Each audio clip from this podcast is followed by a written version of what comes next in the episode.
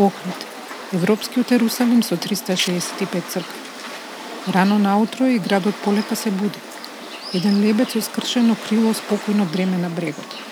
Кајчињата се лулат како уште да се пијани од синокешната журка. Луѓе уште немат.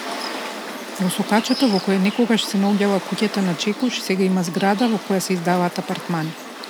А онамо каде некогаш бил антологискиот графит Лута трева за лута рана, има ирски пап.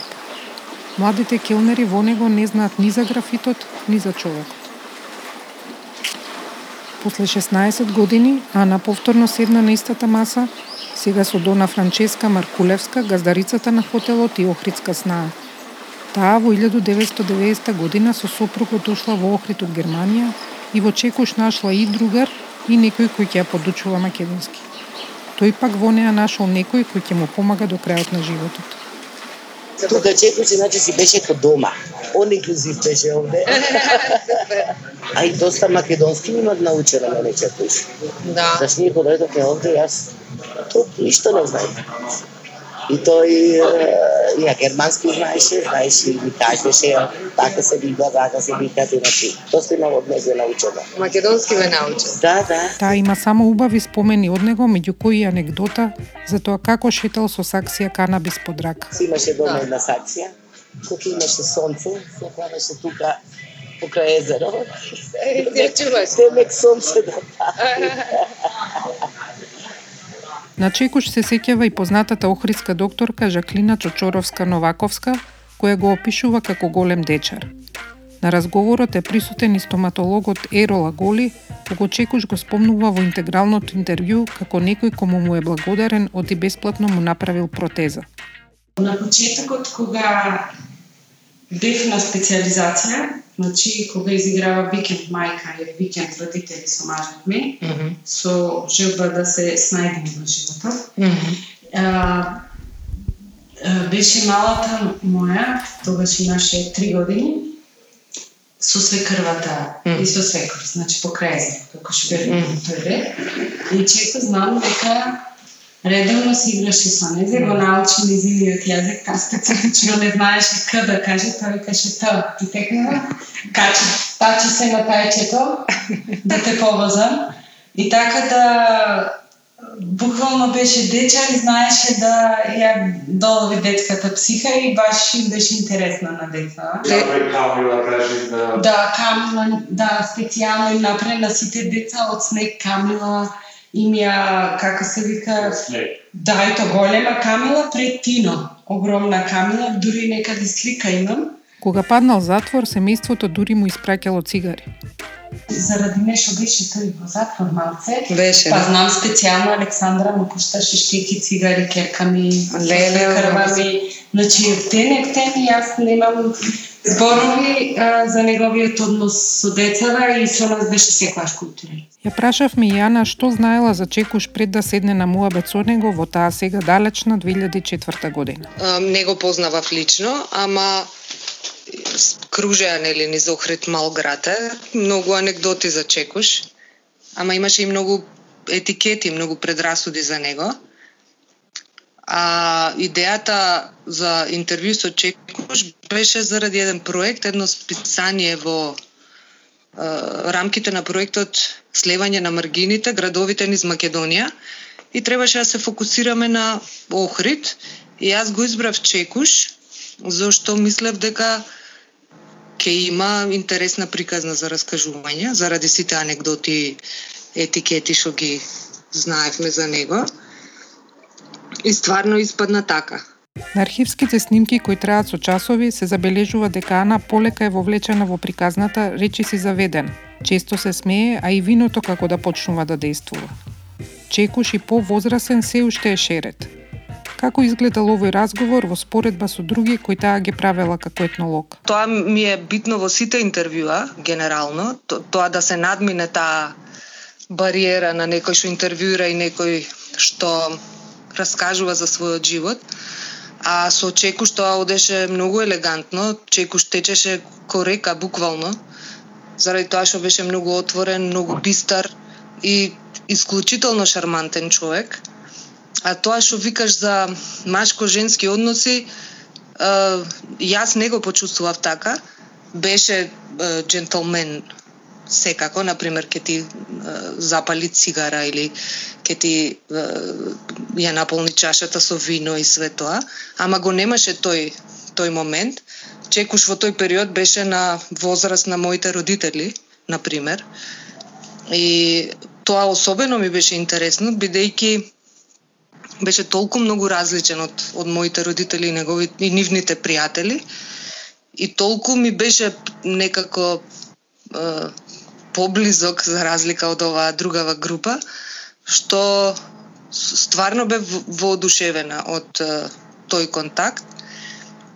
И просто беше човек што не можеш да него да не го сакаш. Додуше, кога се вратила така расположена од средбата дома, татко и не бил подеднакво воодушевен. Татко ми, например, кога се вратив од интервјуто, пиевме вино, бев и припита и, и воодушевена од, од Чекуш. И му кажувам на татко ми дека сум воодушевена, дека Чекуш е прекрасен човек. И татко ми беше прилично збунет и шокиран, зашто тој пак не, не мислеше така според тоа што го слушнал за Чекуш збунет, па можда и загрижен малку. Ама во исто време не дека татко ми не ги прекршувал нормите или не дека живеел тој по правила и прописи цело време ги прекршувал многу, ама секогаш е полесно на на тој некој познат лик од околината да му наметнеш некаква етикета, отколку да се соочиш сам со реалноста во наводници. Интервјуто на вистина излегло во спомнатото списание, но мал дел, само оној за неговото детство.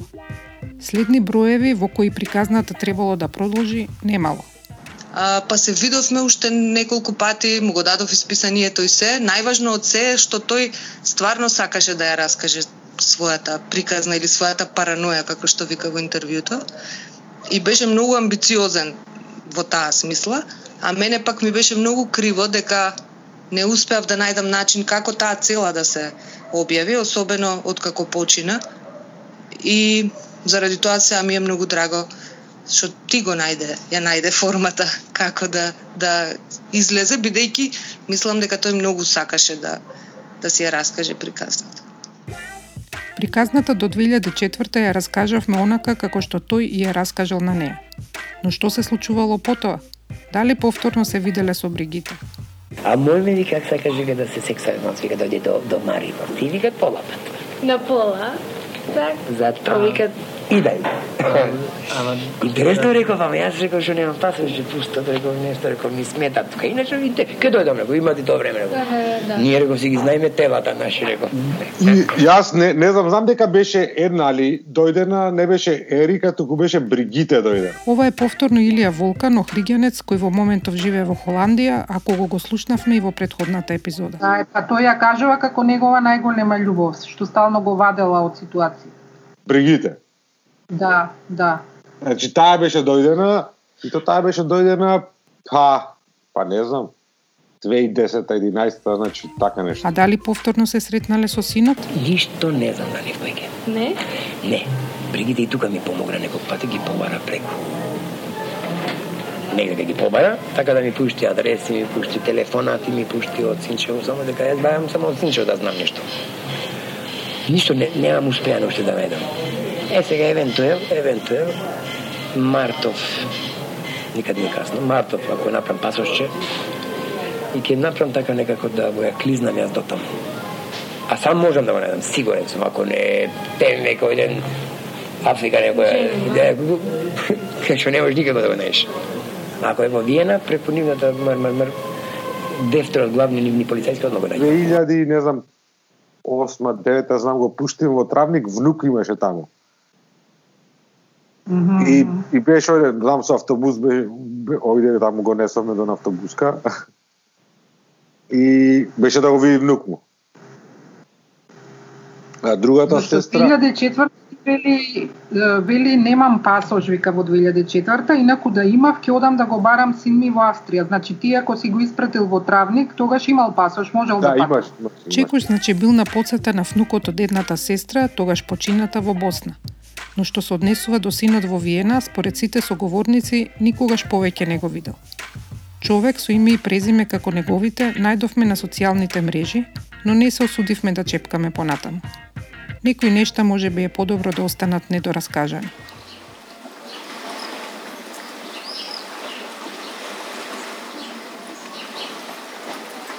Она што го знаеме е дека Чекуш починал во 2013, но пред тоа некој период практично живеел како бездомник.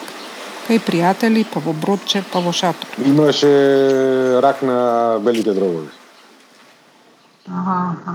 Значи, тој во, во тој момент тој тој мисли дека а, како го дека куќата му се урна на, на местото се тој имаше куќа на то едно сопче горе во сопчето немаше ниту пенџера, значи никаква светлина.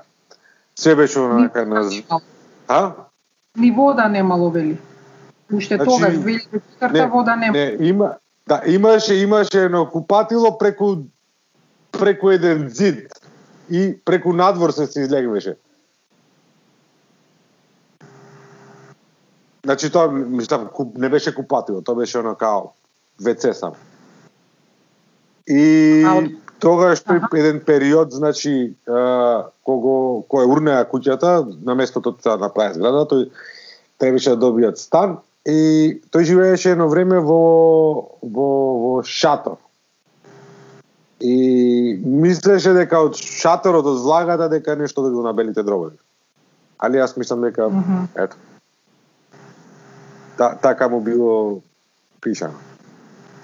Тој знам дека во еден период ко ко беше значи без стан, она пошто mm -hmm. се се влечкаше така, мислам многу ми беше криво, знаеш, човекот при при мислам една куќа имаше, разбираш, онака куќа. Соба имаше една, значи негова беше, тоа беше неговото место, знаеш. И маце неблагодарно, значи тие рушија кон, она речи го куќава, мислам, може да тие му даде пари некој во меѓувреме да, да се снајд, али мислам го тие самите луѓе знаеа каков човек, значи за него парите бе онака може ги потроши за еден ден, знаеш. Mm. Значи треба да го вдомет него она, знаеш. Тој беше уствари невдомет. Знам дека онака се влечкаше, беше едно време во шатор, па после а, беше во кај Кили во станот, знаеш таму, па пак во шатор, па после живееше во едно бродче, и после на крајот умре во бараките од Трудбеник. Ајде. Мислам онака, умрен го најде, мислам онака. Јас знам тоеш дека не, не, не бе во градов, знаеш, и ми се авија онака по телефона е вака и вака да ме го прости Господ. Чекуш и да, тоа беше. Беше, сега не се секам дали беше 4 мај, али беше од тие мајските празници, така знам дека беше. Верзијата на Дона Франческа е поинаква, дека тој последните денови ги минал во болница во Скопје, каде го однел доктор Астрид, уште едно име кое често го слушавме од нашите соговорници, како некој што помагал и се грижел за него. Како и да е, Шерафедин Керим Ферхат, наречен Чекуш, умира на 61 година и е погребан на муслиманските гробишта во Охрид.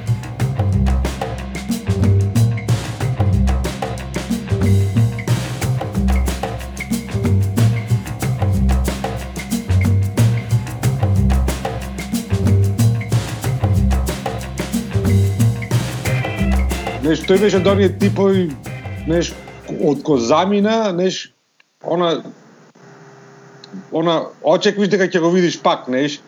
На, пошто тука беше, знаеш, на таа кулпа седеше, разбираш? Кога да идеш, знаеш дека тука ќе го најдеш, знаеш?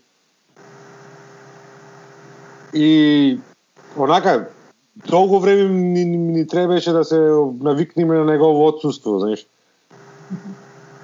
Како дел од градот. Да, да, да, буквално, буквално како дел од градот и нешто донака дури онака си викам фали тоа дека е на биста да му се направи на човеков. Тоа останува последна ваква бурна животна приказна со тажен крај. И зошто воопшто бевме толку мотивирани да ја раскажеме токму неа? Ова е Ана. Го живееше животот со, со полни гради, редко кој од нас може да се пофали со таква животна, интензивна, динамична, драматична животна приказна. И тоа е многу важно, особено за малите заедници и покрај сите етикети и предрасуди кои им ги доделуваме на таквите луѓе, заради тоа што се заслужни, а, дека ги некако ги растегнуваат границите, кои ние не се осмелуваме да ги другите, нели, тие обичните во права смисла на зборот луѓе, не се осмелуваме да ги преминеме така лесно. За многумина Чекош било олицетворение на слободата во средина во која таа често била потиснувана или стигматизирана. Луѓе го земале неговото име за прекар за да бидат кул, ама джабе оти биле плагијати. Дури, дури знам она во, во, во, во, во времињата кои има фи, она фиксни телефони и онака ми се јавиат еден од тие чекушите лажните. И мајка ми се да. јави и деме кажете му деме чекуш говорат. Аха.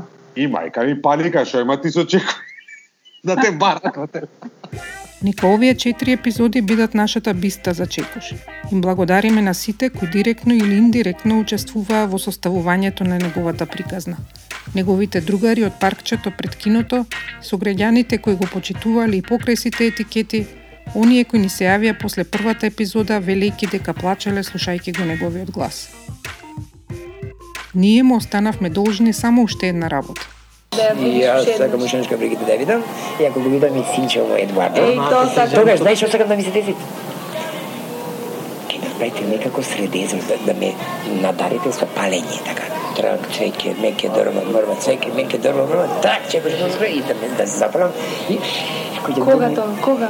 Кој ќе ги видам овие фраерки више Бригите и Едуардо кој ќе видам, тогаш слободно сакам да ме не сакам дупка да, да, да лежам. Не, а? Нема ништо против Црвија, знам дека јас земја сум, од земја сум и прашање прави даст. Ама друго е, моето далеки не видој. Еве не во Охрид, Јулија и на плажата се раиште имат луѓе. Некој во комши го пушта Том Вејц и All the World is Green. Одличен момент да му ја исполниме последната желба на Чекош, со символично пуштење на кајчето ганджа направено од хартија во вода. Истовремено со правењето на овие епизоди се случија две интересни чекушови денија. Првото е во нова песна на Last Expedition, Одиме на Охридско море, која излезе истовремено со емитувањето на нашата прва епизода, а која случајно ја чувме на радио. Еден стих вели, со пари ние тенки сме, можда чекуш ке не прибере. Од бендот ни објаснија дека станува збор за човек од пештани со ист прекар, за кој сакаме да веруваме дека е добиен по асоциација на нашиот чекуш. Во автобус се качиме,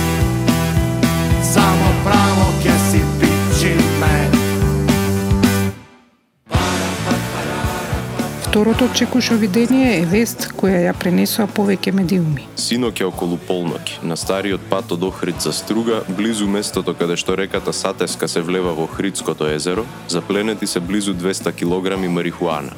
Лицето кое е носело дрогата со кајче успеало да избега. Полицијата вели дека трага по него. Патувај чекуш.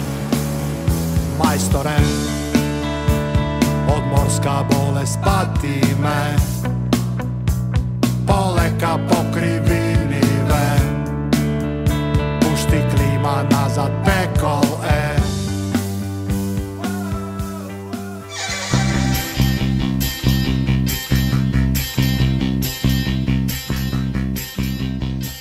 Јас сум Илина Јакимовска, продуцент Бојан Угриновски, соработник Ана Шталковска-Гајтановска. Гласот го позајми Андреј Татарчевски. За фотографии, транскрип од епизодите и други материјали, посетете ја нашата страница обичнилуѓе.мк.